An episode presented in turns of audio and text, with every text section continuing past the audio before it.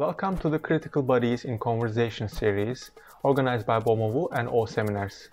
In this podcast called Race, Representation and Immigration in the Sports in the US, you will listen to the July 4, 2020 conversation recording of Natalie Richman and Ezra Kidane. My name is, is Natalie Richman. I'm an immigration attorney uh, in the United States, um, in Philadelphia specifically. Um, I, you know, I grew up um, having sports uh, as a as a as a very important in in my life. Um, my as JT mentioned, my family's Cuban American, um, and so we grew up uh, with a big love of baseball. There's a big presence of uh, American recruiters. Um, and everyone, you know, in, in Cuba knows about all the American sports teams. Um, and so I went to law school and was involved in the uh, human rights um, clinic there and the asylum clinic, helping people get asylum status, refugee status in the United States. Um, then I worked for the Department of Justice in the United States and also worked in immigration and uh, left quite you know, quickly after the Trump administration took over um, and now in private practice here. Um, and, and my practice still involves uh, a lot of asylum seekers, but we also do represent um, athletes who are looking to come to the United States to work and participate um, in this system. Um, you know, that is a, a multi-billion dollar system in the United States. So, so we do work and help prepare people um, to come and do that. So um, I think my background is is very much. Uh, I also played sports in um, high school and college, um, and so they've they've always been a really important part of my life. Um, you know, I since uh, since you know I was little, I, I definitely would consider myself an activist. I remember my um, parents taking me to, to protest, and so I've been um, involved in uh, the Black Lives Matter protests here um, and have been, you know, very supportive of Colin Kaepernick and uh, the Black Lives Matter movement across the sports platforms. Um, you know, I think it's a really good uh, cultural uh, structure that that we have moving here, and and you know, I, I think it's gained a lot of momentum, and I'm really excited to see where it goes. Yeah, similarly to that, well, I'm again introduce myself. Um, I'm a financial analyst based in Washington D.C. Uh, and prior to working in finance, I studied African American history. Um, and as similar to Natalie and as uh, mentioned, sports has been a foundational part you know, of my life since I was a kid. As an Eritrean American, um, soccer has always played a really important part of in my life, both playing soccer, um, which I still play, um, and watching soccer and watching other sports and using sports as a medium to connect with others, which I think is you know, one of the really important aspects of sport in, in modern life. Um, in addition to that, I think it can be a platform for expressiveness, both um, sort of artistic expressiveness, which I think we'll talk about a little bit further in the conversation, but also um, political expressiveness as it relates to Black Lives Matters. You know, Colin Kaepernick obviously is a is a huge figure in sports, at the intersection of sports and politics in America, and um, it can be a place where uh, negative stereotypes still exist, um, and racism comes through very clearly. As I said, soccer has been a really important part of my life, but it's also the first place on a soccer field was the first place I remember being called a racial slur. You know, as a ten year old kid um, by a classmate. So those things are, I think, inextricable, especially in American societies, and I'm looking forward to talking about that more.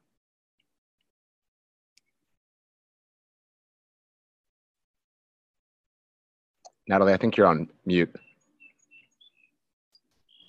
Um, so I think, you know, Ezra and I are, are friends, and I, I think we talk about this a lot um, in just our everyday conversation. So we're, we're really excited to kind of share with you our, our thoughts about it. But um, I know people are, are coming in with different levels of, of structure of sports in the United States. So I, I think we just wanted to start off maybe um, with a with a timeline on on how we see things um, as it relates to Black Lives Matter and um, Colin Kaepernick's protests. So, uh, just date wise, I just wanted to um,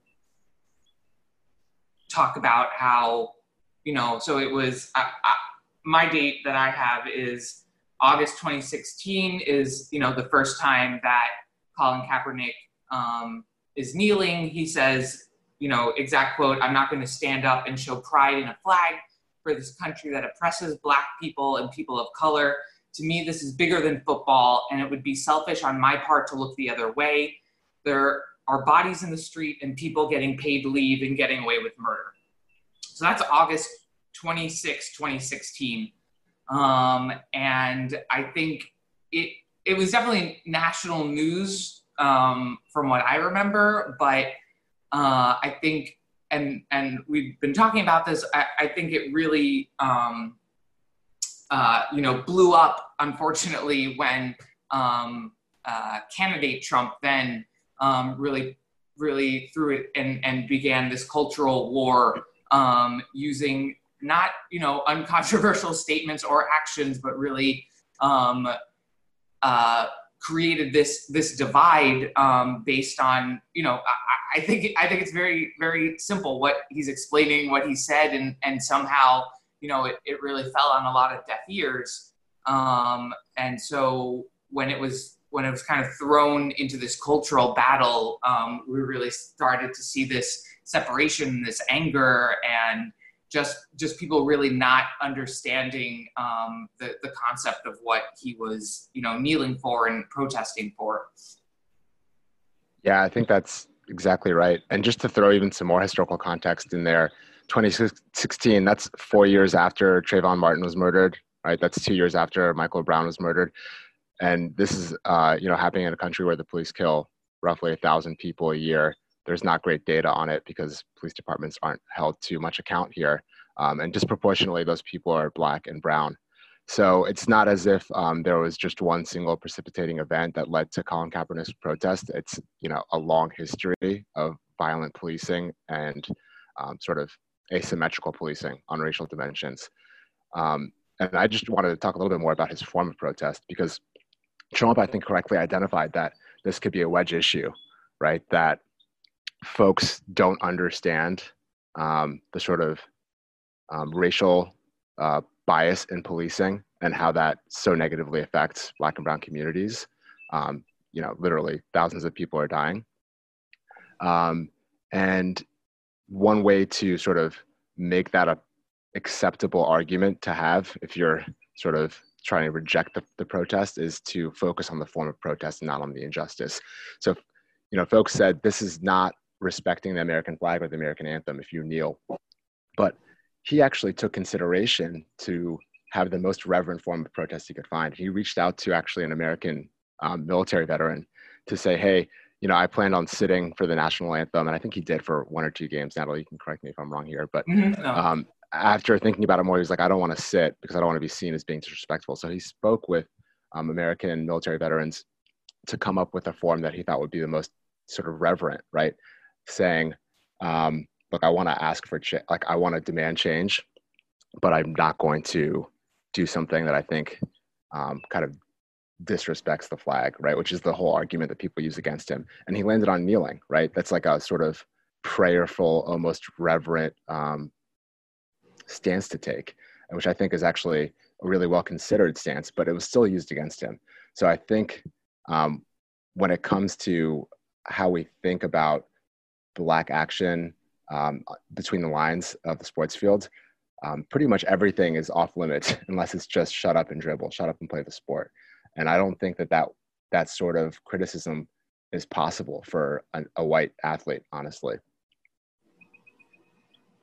Yeah, no, I, I agree. I think that's those are excellent points. Um, it, it, it really, you know, and, and to put it into context, the, the shut up and dribble, I think, came from um, LeBron James, the basketball player who um, also spoke out and has been involved. And um, then President Trump, you know, told him to, to shut up and dribble. And and I think this is this is the critique that um, you know we see across the board of uh, Black athletes and athletes of color um, who are using their platform um, in a way to protest. And you know, as Ezra said, there, there's just you know no no way for them to protest. It it really just comes down to people don't want them to protest. Um, I think after you know Colin Kaepernick uh, and was joined by a lot of fellow athletes in the NFL. Um, then unfortunately, you know, the the NFL came out and said the the commissioner of the NFL and and and he said, you know, I don't agree with what he's doing. He's disrespecting the flag. Um, and so then we see, and we we're going to talk about this later, but you know, the the structure, um, the sports structure, and and the people, the leadership, the people in charge um, those people coming out against um, any of the, the protests and, and not engaging with discussions on uh, with athletes and, and about systemic issues and instead just uh, very much siding um, with the, the ingrained power structures already and not um, supporting their athletes because uh, I think they're trying to protect obviously their their money making capabilities um, because that's really what professional sports is about in, in the United States and obviously probably around the world is, um, you know, how much they can, their bottom line is and, and what their earnings are. Yeah, 100%. I think it's just like a really great example of white privilege, right? Like not examining the injustice at all or the systemic bias at all um, and changing the conversation to one that's more convenient for, you know, your bottom line, which is this is going to be about the form of protest rather than what's actually wrong with um, society in America. Conversation, I think Colin Kaepernick. Yeah, I think we're moving I, in that direction, right? Like support for Colin Kaepernick for Black Lives Matters has definitely um, increased, you know, a lot in the last in, the, in light of the recent events. Um, yeah, do we want to shift to sort of the the, the more recent developments? Yeah, yeah, yeah. sure. Um, yeah, so I, I, think as everyone is aware, with the, the killing of George Floyd and Breonna Taylor and, and countless others, is kind of the straw that, that broke the camel's back, uh, led to you know mass protests across the country. Um, and as those protests have unfolded, American public support for the Black Lives Matters movement and sort of uh, you know their uh, the leaders of that movement, as well as Colin Kaepernick, has really increased um, dramatically in the last couple of months. And with that, we've seen Roger Goodell, the commissioner of the NFL, sort of backtrack a bit on his previous position um, and apologize for um, how Colin Kaepernick has been treated. Um, we've seen. Let, sorry, Ezra, let me just do a, a, quick side note that so sure. this happened in, in 2016. Um, Colin Kaepernick's contract was was up in 2017, and since that time, and and uh, he has you know he he has been blackballed basically by the NFL. And so since 2017, even though he's a highly rated quarterback, he should be playing. Um, there are a variety of teams that need quarterbacks. No team um, has signed him, and no team has um, even really shown interest. Um, and he actually filed a, a, lawsuit against the NFL owner, saying that there was a, a conspiracy and with the NFL to keep him from playing. Um, and I think there was actually a, a, settlement in that suit. But just so you know, the the backlash of this is you have, you know, he was in the Super Bowl the year before, and then he became really the face of this movement. And and since then, he, you know, when it comes down to it, he, he lost his job. He has not been able to work as a professional football player.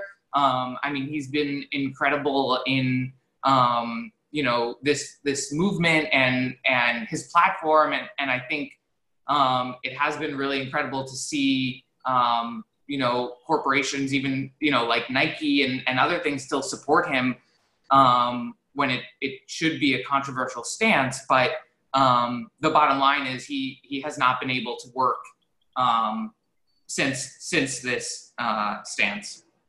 Hey, Natalie, can I ask you a question there? Do yeah, you, of course.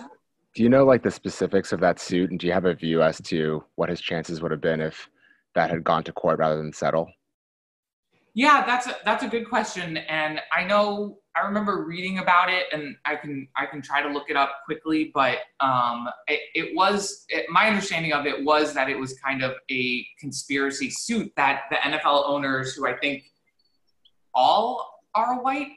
Um, yes, I think that's right. Right, that's that's a correct statement. Right, so all owners of the NFL teams are white people, um, and that they you know, kind of had an internal pact um, where no one was going to uh, hire him or really even give him a chance or an opportunity.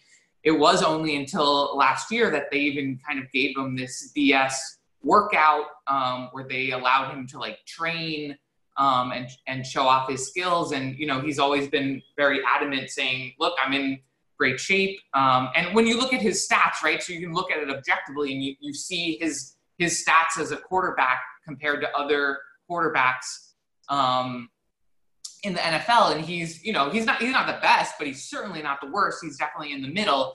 And so I think those statistics, when you have objective data like that, he I, I believe that was in, in the lawsuit um, to really show look like there's no reason other than my political stance that you aren't hiring me. The, the data's there. I'm a good quarterback. I can play.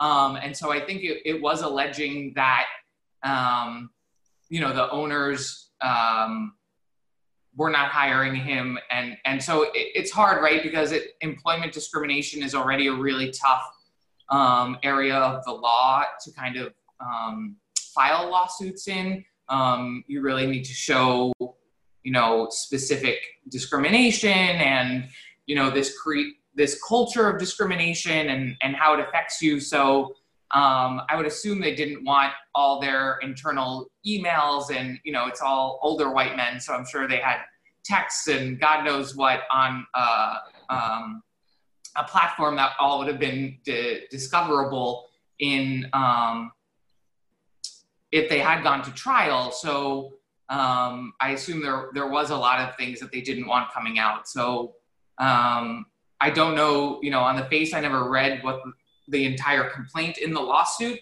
Um, but if, you know, he's settling out of court, I, I would assume there was a lot that they didn't, they didn't actually want to get out. And, and, and even more probably that we didn't know about that would have been, um, you know, that would have kind of come out.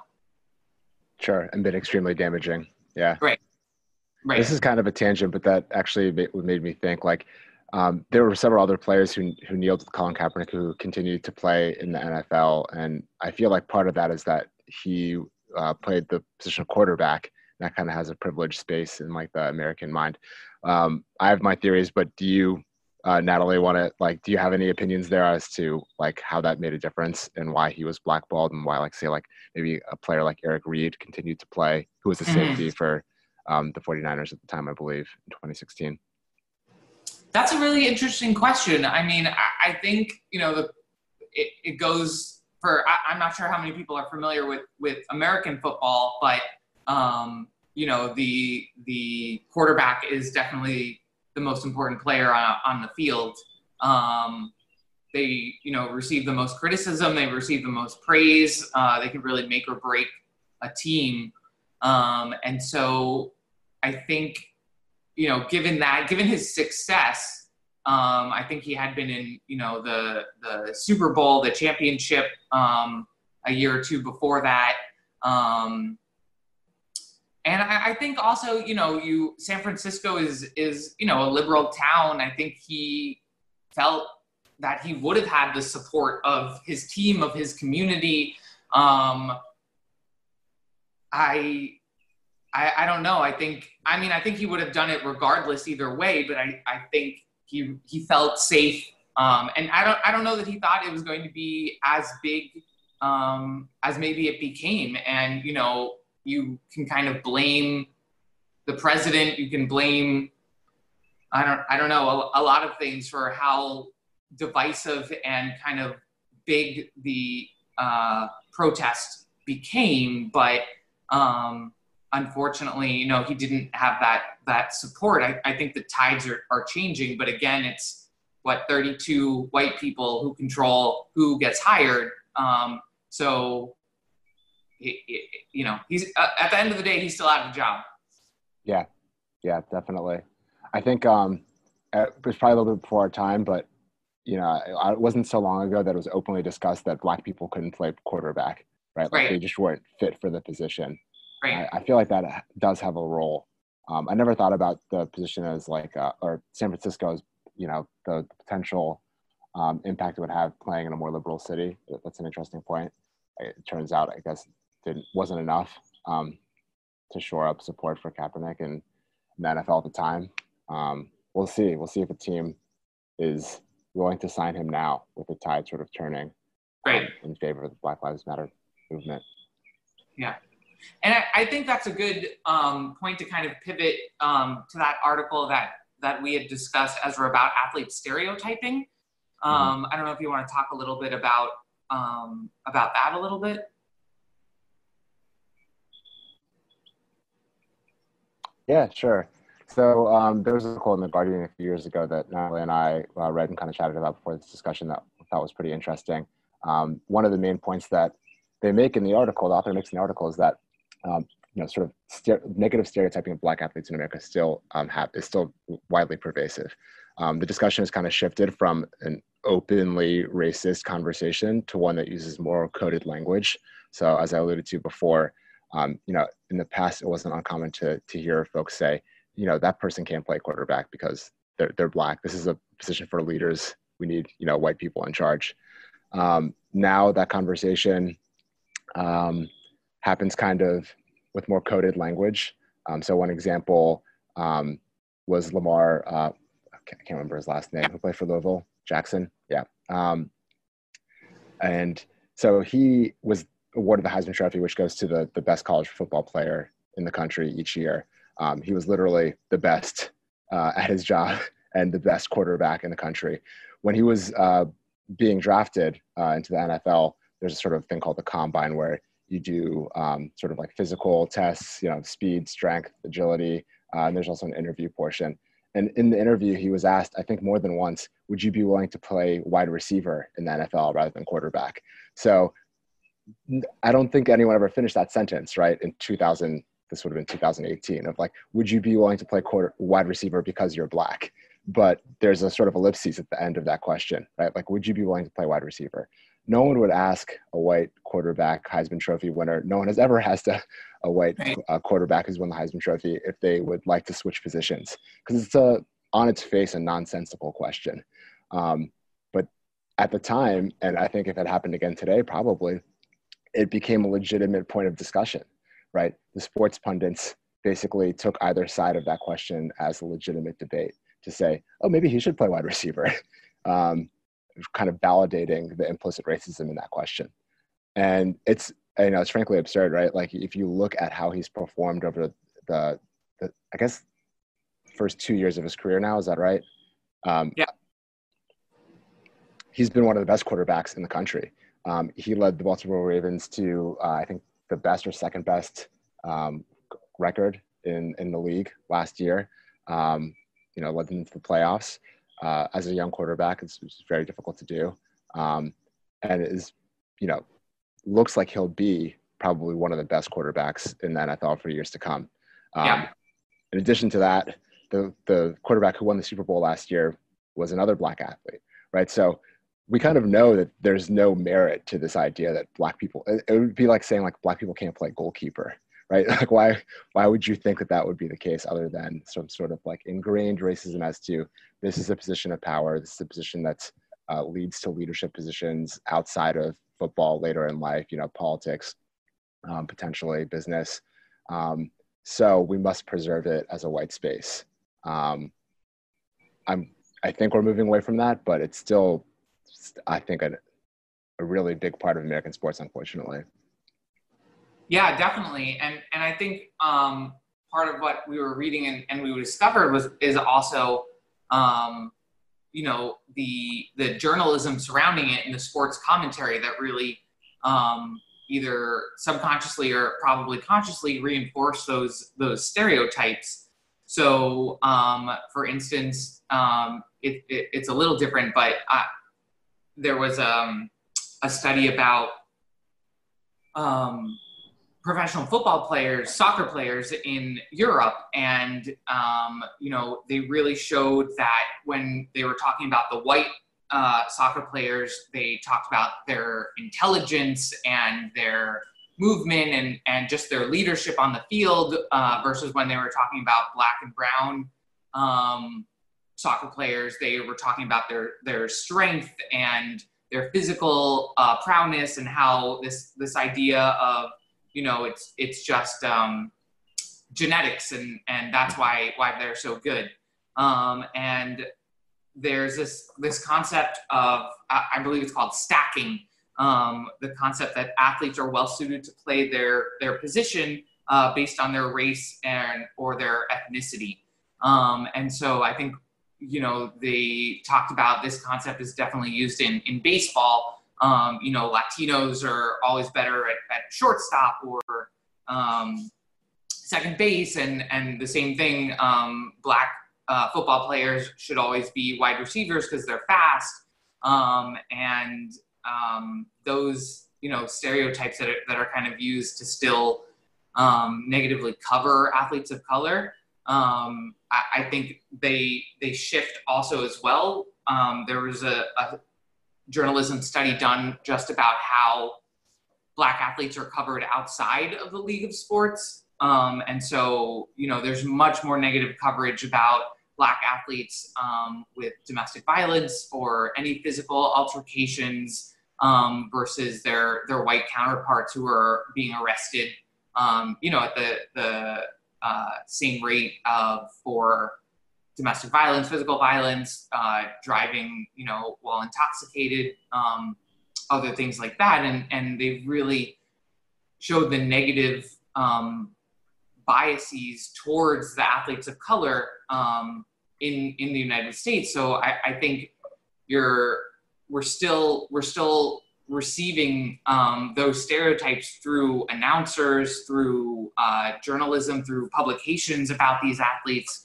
Um, so it's really coming at them at, at every um, every way. Yeah, definitely. And it's it's so insidious that you even see the stereotyping of black and brown athletes happen by black and brown watchers of sport, which is one of the mm. things the study found. And I think really speaks powerfully to like the level of implicit bias, right? It's not just like, you know, overt racists. Um, it's right. kind of ingrained in the American psyche almost and you have to be aware of it to counteract it, I think. Um, another point you brought up, Natalie, that I thought was interesting was the idea of like um, stereotyping black athletes or brown athletes as being sort of like freaks of nature or like very, uh, you know, like superhumanly strong or fast. Mm-hmm. And, you know, that may seem like a positive stereotype, right? But one, it's used to stack those players into positions which, you know, may get paid less or may have um, few opportunities for like local leadership um, but two, it also dehumanizes them, right? You're saying like this person is not like a human being; they are like mm-hmm. some sort of potential beast or chattel, like beast of right. burden that can do the heavy work of an oxen that a man can't do. I think there's right. there's a level to that. I think that that's, um, yeah, something we can't ignore. And then finally, like you were bringing up the negative coverage and sort of stereotyping of black and brown athletes, and I think another example of that is like the um, sort of uh, propensity to characterize black athletes as locker room malcontents, right? So one example that the author of that article brought up was um, Dez Bryant, who was a wide receiver for the Dallas Cowboys football team, um, who was like supremely talented, probably the best wide receiver in football for a few years, um, but was kind of seen as being difficult to work with and kind of probably was run out of the league earlier than he would have been otherwise. Mm-hmm. Um, his career kind of ended a little bit shorter than he thought it might.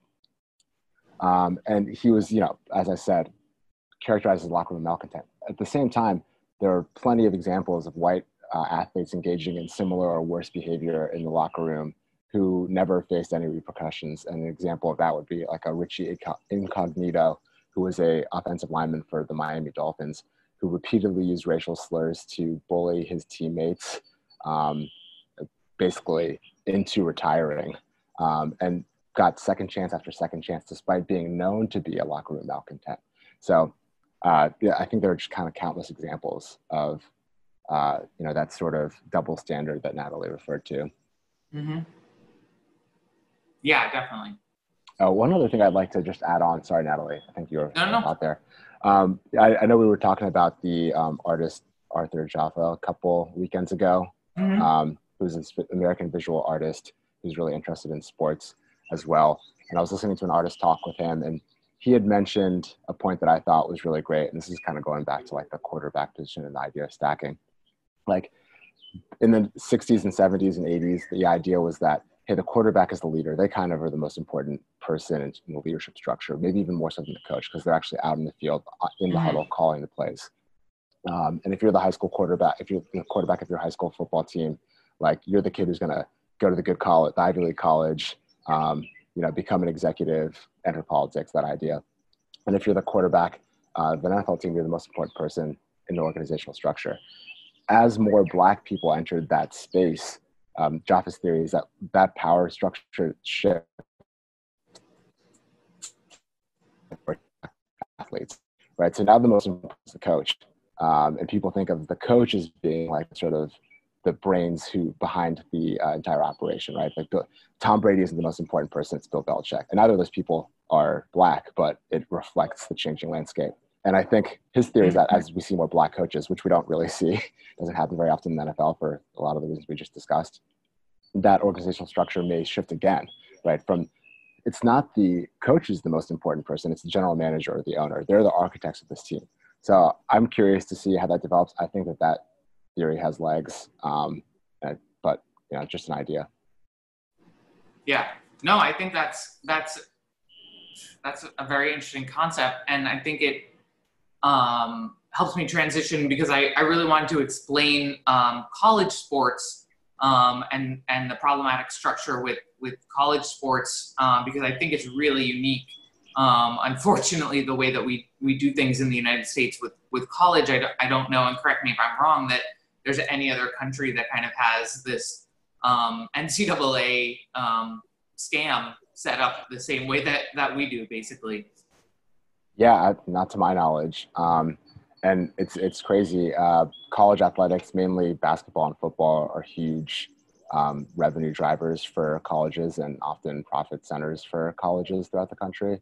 Um, there's huge dollars involved. It's a multi-billion-dollar industry, and one in which um, sort of the the vast majority of workers uh, in that system don't get paid at all. So none of the players can be paid. Um, I know that in most states in the United States, um, the highest paid public employee is usually the football coach of the biggest university in that state. Mm-hmm. So just to put like some context around it, in Alabama, um, you know, the University of Alabama's head football coach gets paid roughly eight million dollars a year. Um, the head football coach of Clemson University, which is a public institution in South Carolina, makes about nine million dollars a year. And those are the two best programs in the country. But even if you go down a tier, to like the University of Virginia, which is my alma mater. Um, the head coach there, and this is a team that maybe is like the 50th best team in the country. You know, not not great. Um, he makes three million dollars a year, right? So compare that to like an average professor's salary. It's an order right. of magnitude larger, right? Almost two orders of magnitude larger. Right. Um, and you know, thinking about the organization as a whole in Alabama, the University of Alabama made $48 million of profit in 2018 off of its football program.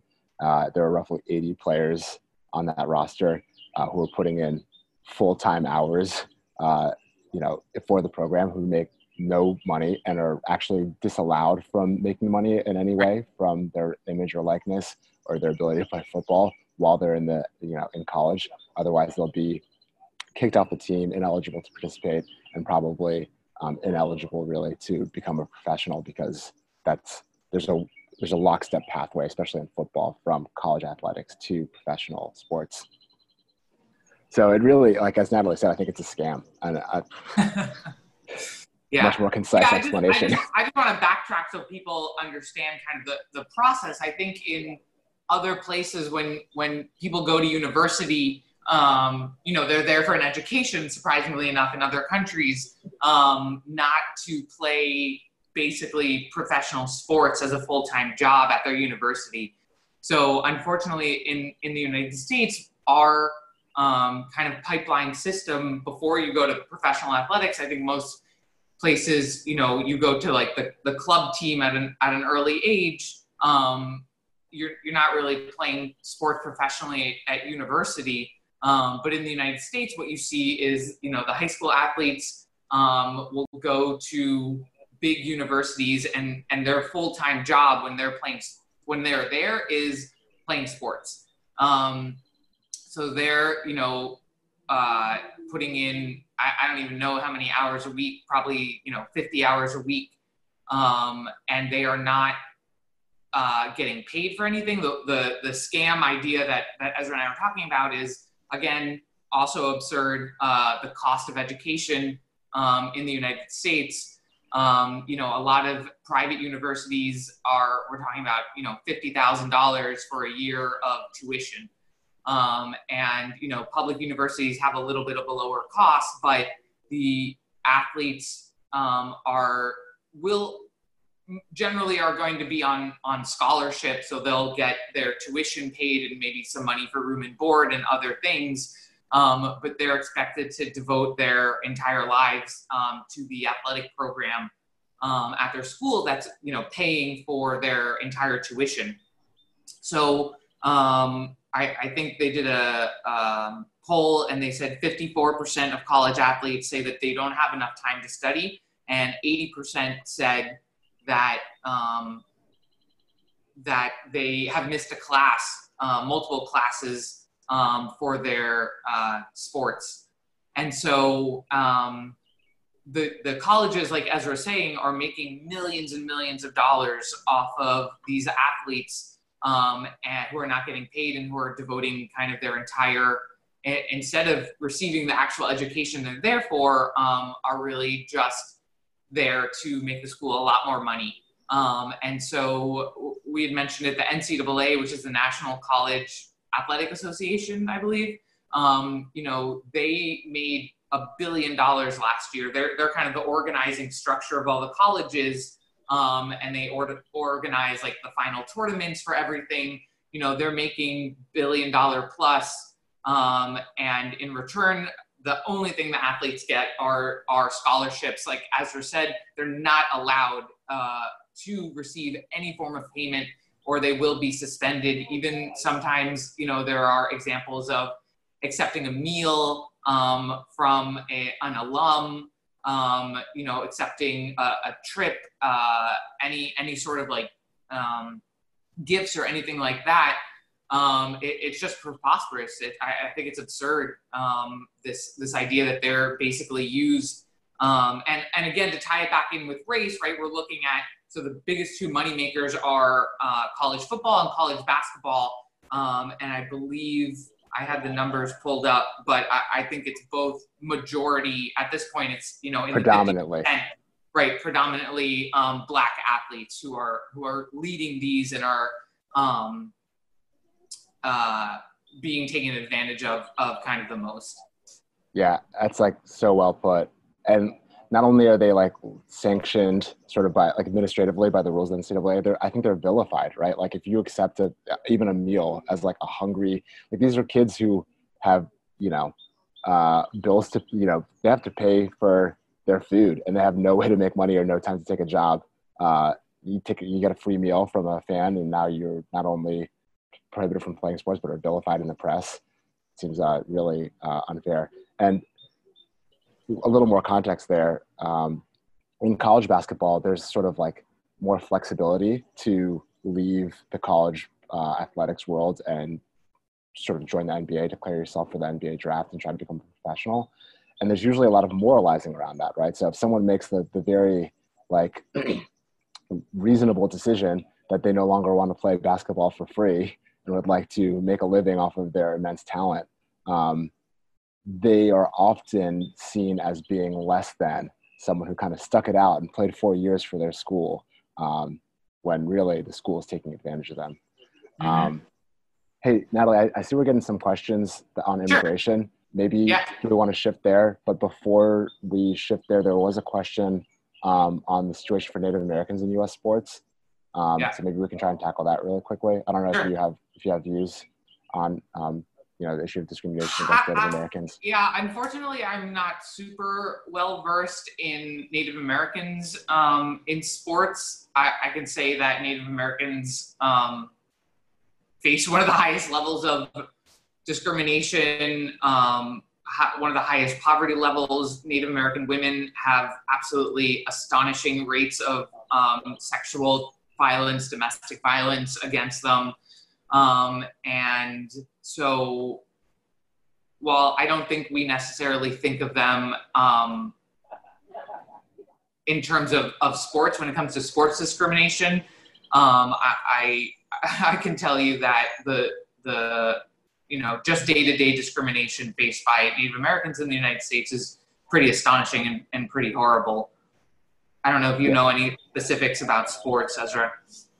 Um, like you, I don't I know a lot about the sort of representation of Native Americans in sports, but I imagine, um, and the examples I do know kind of follow the same lines as discrimination against other Black and Brown communities.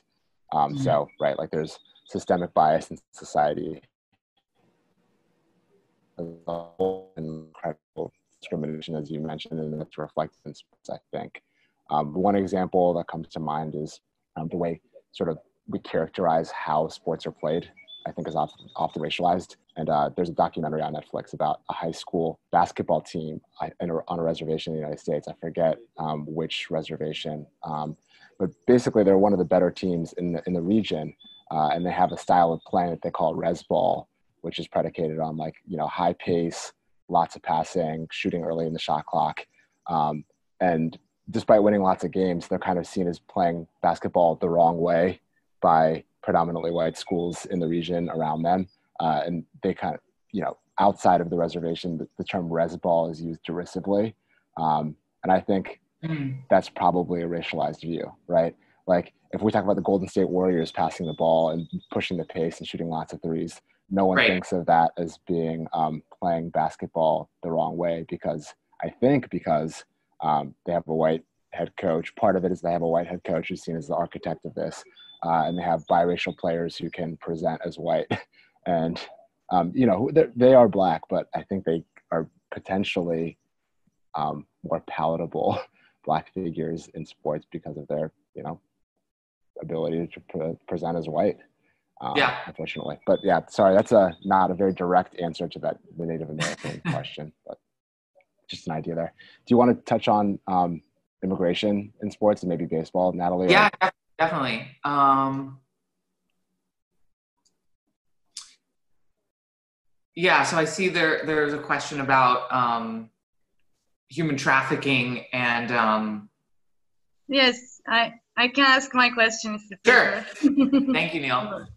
Actually, a few weeks ago, we had a very interesting uh, live conversation with the president of the Association of uh, African footballers in Istanbul. And uh, there is this huge problem. Sorry. There's a lot of noise. Sorry.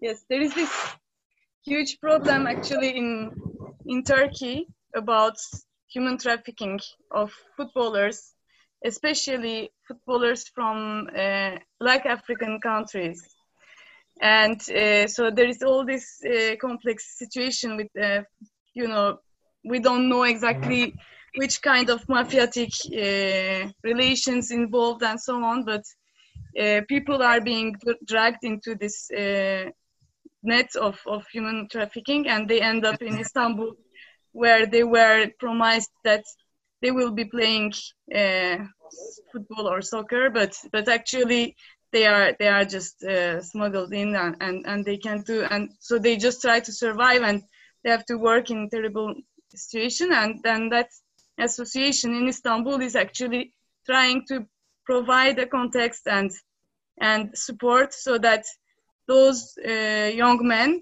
can actually come and, and play on the field and they can show their skills.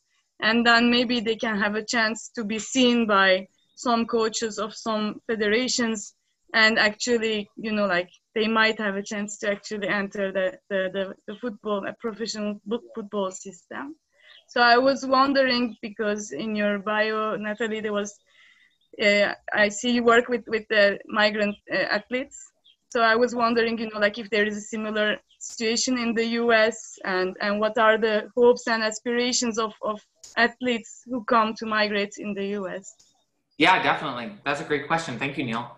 Um, I, I think I think yes, 100%. We we definitely um, see a lot of those same issues. I think um, just generally human smuggling and trafficking in the United States is a horrific problem. Um, you know, it's it's a it's a billion dollar industry. There are there's a lot of um, servitude, indentured servitude, still in the United States, um, and I think we we definitely see it in, in the context of, of sports. I think in the last few years, and and as we we've been talking about this um, but for example, the the best examples I I know of are actually in the baseball context of um, Latin American baseball players, um, you know, paying coyotes um, to smuggle them into the United States, and actually um, organization, the the professional sports organizations, is, it's a little different than when you talk about Neil, but the the baseball um, organizations actually paying the smugglers and helping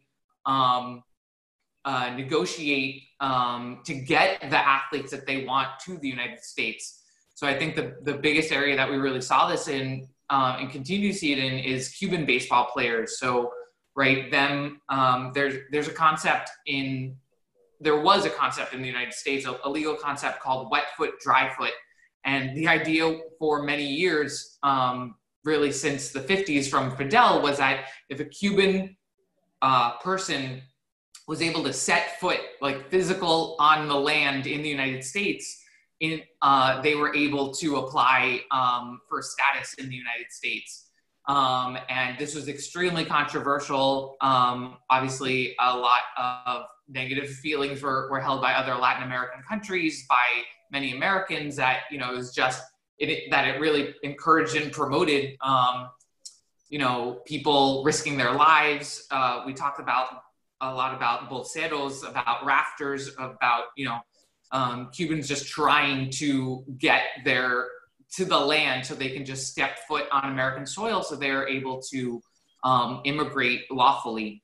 Um, and so I think recently, not recently, but I think what's what's being exposed um, and what was an interesting tactic of the United States government um, so this with the, the baseball players, this was all kind of done. Everyone knew it was being done. You know, you have your, your baseball player in Cuba. You, you, he's amazing. You got to get him to the U.S. And so they would kind of concoct this this scheme to be able to work with um, smugglers to get them to the United States um, safely. Um, and so it, it, was under actually President Obama. Um, I think a lot of people don't, people outside of the immigration community don't I, I think a lot of people don't realize how terrible President Obama was actually for immigrants and immigration. Um, you know, he really started um, uh, the deportation machine that we're really seeing abused, the, the system abused now. Um, and so he, he started, uh, you know, with the internment, uh, immigration internment camps for families, uh, immigrant families holding children. Um, that, that was actually, unfortunately, all really created by President Obama.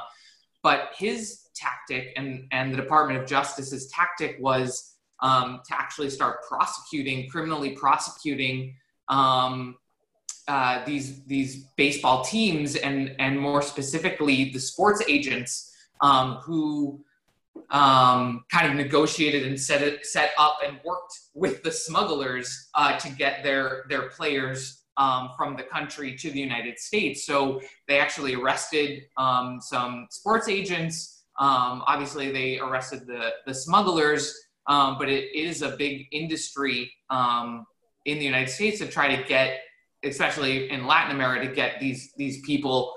Um, these players to to the U.S. So I think they're they're they've been trying to crack down on it um, in the best way America knows, which is to criminalize it and prosecute it and um, you know try to put people in jail for it um, without actually addressing any of the underlying conditions of what these again what these money making um, professional sports teams are are doing and taking advantage of um, kind of these these players, especially young players, kids, really, um, in in Latin American countries.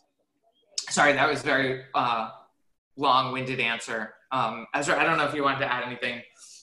Um, I actually just had like more questions for you, really, because I feel like this is really interesting and I, okay. value your expertise.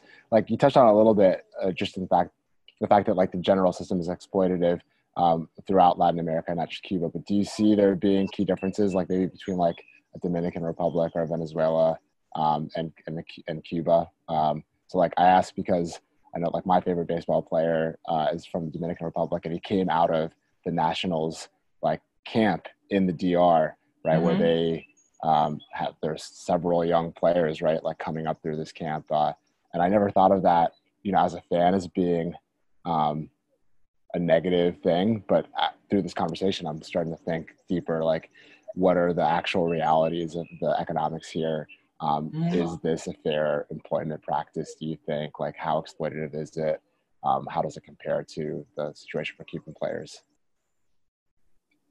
Um, yeah, that's that's a great question. I mean, I I really see it like you have these developmental camps, and so I think it is very similar to the structure we have in the United States, where um, a lot of you know poor Latin American you know young men think this is this is their ticket. They devote their entire lives to um, these training camps that really you know see them as disposable. Um, you know, you have an unlimited source of young men um, who are just willing to train day and night at, at these um, pro training camps to try to get their ticket punched to come to the United States. Um, so I think it, there are a lot of similarities uh, neg- uh, negatively about um, kind of that same recruiting method in the United States, where you know young um, black men and and and other people of color really see sports as their only ticket um, out of their communities, out of poverty. Um, and so again, these these sports teams are not investing in their education. They're not investing in their well-being. Um, they're not investing in in the communities surrounding um, you know the, these players. And and I, am sure some maybe are, um, but I think you, the majority are um, really taking advantage of these young men's aspirations um, without kind of second thought on if they don't make it and really looking at the low level that actually do get professional contracts that they have no other skill set set up um, for success. And also you know not taking into consideration the the health the health risk. You know you play for you know I, I, know we see it all the, the time in the united states like you play college football professional football like we're, we're not talking about like uh, little issues. We're talking about major you know brain damage. We're talking about physical um, illnesses and, and issues that are going to follow you for the rest of your life. And um, especially in latin america I, I think that young men just don't think about these things and, and are really just devoted to this idea, and I think 100% that um, uh, sports teams take advantage of that. Mm. You, you, broke up there a little bit for me, Natalie, but I thought the connection you drew um, between like the the willingness to just devote everything to get your ticket punched and drawing that yep. connection between Latin American athletes and Black American athletes, like you know potentially coming from underprivileged situations. That's mm-hmm. really interesting connection I had thought about. Um, yeah, really um, it, it enables organizations to take advantage of their desperation, right, to better their lives.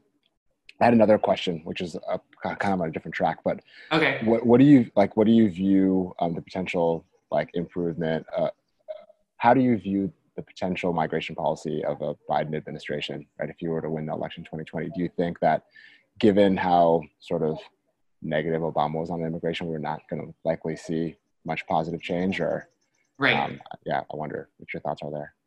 Um, that's an interesting question and I, I haven't really dived pretty deep in um, biden's specifics. I, I, the last i checked it you know it was kind of a, a broader um, you know i don't i don't expect him obviously to to um, be as horrific as as trump i think um, we're just excited for to try to destroy a lot of the, the try to roll back a lot of the um, terrible policies that um, Trump has kind of implemented.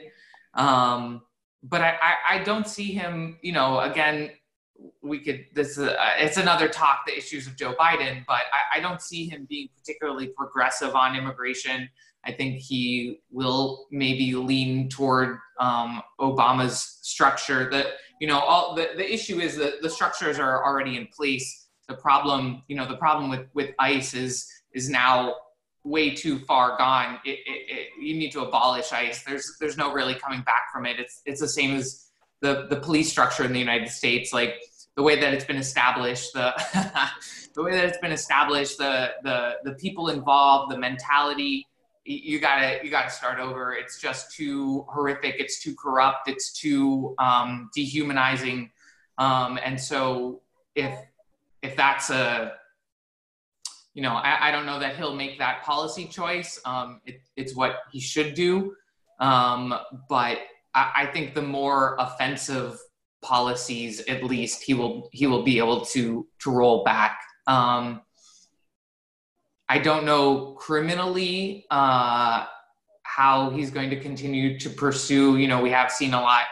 I mean, we we've seen um, immigration attorneys being pursued criminally um, for trying to help clients. Um, again, I, I, think that's very much a Trump policy, Trump era in just punishing anyone you know trying to assist um, people in the system.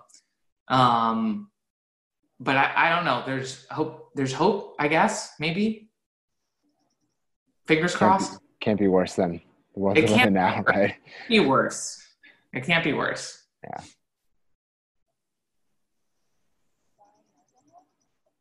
Yeah. Um, I you know I don't have much expertise to to add there, so I'll let you let you have the, the final word on on that. Um, 15 uh, if I may jump in, I actually had a question as well. Sure. Um, yeah, um, your your title. It's about your title. Your title was race representation and immigration in uh, sports in the U.S. Yeah. And uh, when I, when I read representation, first I thought. I mean, initially I thought of like imaging, of representation of something, um, and it has this double meaning: representation of demographics in society in the sports. I mean, I, I, I assume that was the, the meaning, the major meaning. But there is also the other uh, you know other meaning of the term, uh, meaning this um, the image of something, right, mm-hmm. representing mm-hmm. something, and this this kind of gets me thinking of how sports um, change society, how change in sports uh, has a major effect on on the society, because it is uh, sports. I mean, we're we're watching these uh, these activities very eagerly. They're all on the stage um, they are broadcasts and you know reach to to millions and and certain kind of uh, re- representation in terms of who is present and active in sports uh, has a significant impact on on our understanding of who is entitled to to act uh, who is entitled to be a hero or heroine right i mean so that that's like a very interesting connection and very interesting power of sports over society. Um, so these are were some of the thoughts, and, and that kind of um, wanted to ask a broad question in the sense so that like how do you see um, changes in sports uh, transform society uh, in that sense, um, uh, and vice versa, of course, right? Uh, how changes in, in society transform sports. I'm asking this as a very general question. I don't expect you to kind of completely answer this, especially considering the, the time limitations we have. But if you can a little bit talk about the, the agency of sports uh, in the society, that would be really helpful. Sure. Um, I love that question, by the way, and I love the link you drew between the two meanings of representation and, and that question. Um, I think Natalie knows I'm pretty cynical as a person. like I, um, I I feel like athletes can do a great job, right, of using their platform to be expressive, both you know almost artistically and politically. Um, I have less faith in the American public and their um, proclivity to change when faced with these issues. Um, but I do think it's important, right, that like Kaepernick took that knee, right, and, and plenty of other players did it with him, and that the U.S. women's uh, national team in soccer did the same, right? Um, they're reaching different audiences. Those two groups of people, there's overlap, but they're reaching different people, and I think they're bringing the issue up. Um, I'm not sure how many minds they changed. It seemed to be just kind of like a wedge where everyone just kind of dug in their positions where they were at the beginning of those protests. I think what has changed people's minds is um, just the sort of like horrific killing of George Floyd. Um, just seeing that portrayed in video is just impossible to ignore. I think the underlying issues, the way that people I think kind of ignore it when they sometimes watch sports. So I, I don't know. I think as society changes, we might see um, more changes in the sports field, right? Like as opinions change in the reaction to the killing of George Floyd, opinions to Colin Kaepernick change, right? Uh, and he becomes more acceptable because people understand his point. Um, I think things can move in the other direction, but I, I, think it's a little bit harder, right? For LeBron James to say, because I believe this um, is wrong or I believe this is right, um, you should take my opinion seriously and consider changing your mind. I think he's just basically speaking to the people who watch basketball already, predominantly liberal audience, predominant like you know overrepresentation of I think black and brown people in that audience relative to the American population. Um, that was a meandering answer, Natalie. I'm sure you have some thoughts you'd like to add that maybe are more structured than mine. No, no, no. That that was no, that was that was great. I I was thinking about it in a historical context, um, more in the United States because I think I, I don't know if, if things have changed. I, I feel like they have, but I feel like the visualization early on um, really helped change the hearts and minds, at least with professional sports. The, the first thing that I thought of was um, Jackie Robinson, right? And and so I, I believe I just did a, a quick look up, but um, Jackie Robinson, for those who don't know, was the first um, African American baseball player uh, to play in, in the professional um, in Major League Baseball.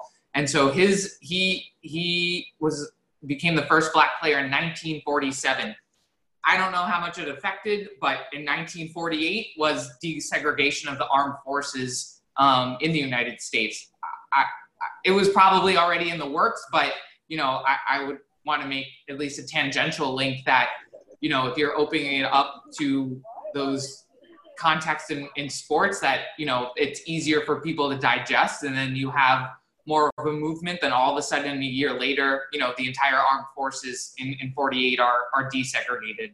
Um, you know, during that time, obviously you're, you're still working on the entire integration of the American South. Um, but I think at, at some point, you know, having being at least to, to have some sort of representation and, and see it at a national level, I think um, is always really important um, to be able to change such a cultural cultural battle like this. Yeah, that's a great point. Actually, going further back in history, that reminded me of Jesse Owens in the 1936 Olympics, right, winning four gold medals against the Nazis. I feel like right. obviously not around for that. I haven't actually read um, a lot of the history around that, but I can't imagine that that didn't win at least some hearts and minds. Um, right but then yeah, I could argue with myself back and forth all day here. Like that, I think to like Tommie Smith and um, uh, Robert Carlos at the 1968 Olympics raising the black fist, you know, the power salute. I don't think they were hailed as hero, heroes back home for doing that, right? Right. Um.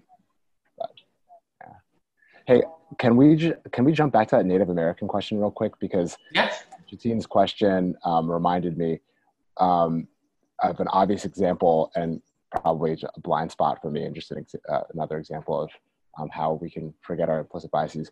Um, Native American representation in sports is pretty uniformly abysmal in, in the United States, right? So there's not a lot of people in positions of power or even on the field. Um, but at the same time, the iconography of Native Americans in sports is like abjectly racist uh, and continues to be. right. It's right on my doorstep. I'm from Washington the Washington football team their name is a racial slur. They refuse to change it.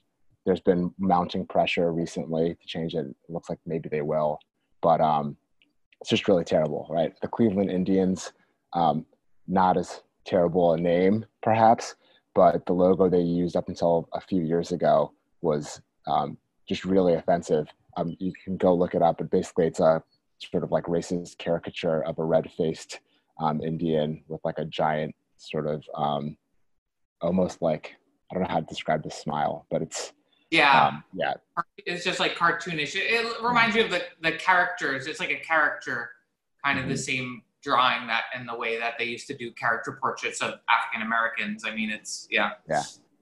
So, um, just wanted to bring that example up before we we call it. I'm not sure how much time we have left. Yeah, that's an excellent point, Ezra. You're you're completely right. That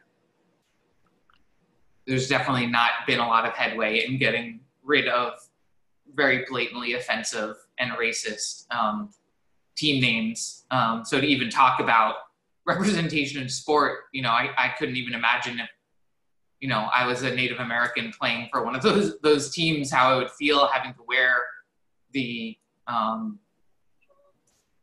the wow. I'm just thinking of costumes, the the the jerseys, yeah, the uniform, yeah. yeah the uniforms yeah. with with those symbols with those words on it i mean it, it would really be horrific yeah how how much can you how much more could you dehumanize or devalue a person to say like hey we don't need you in our sport we, we don't we're not going to see you in our sport except for in this terrible image or in this racial slur right um yeah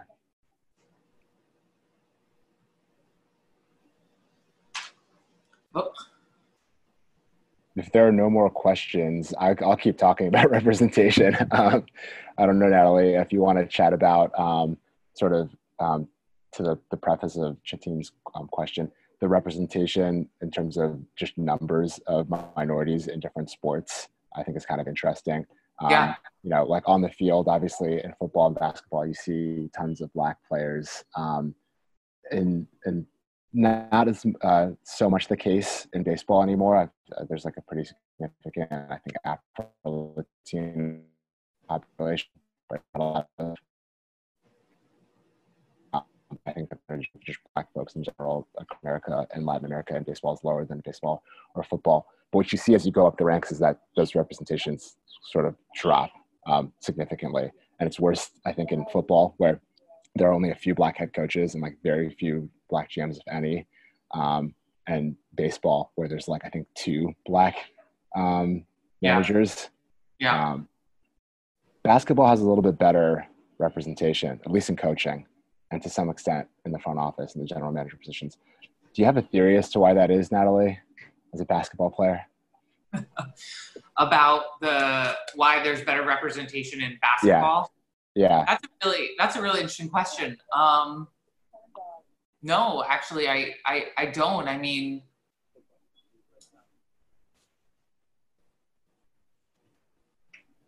I, I yeah, I'm, I'm I'm not sure. I mean, I I think there have been a lot of really successful.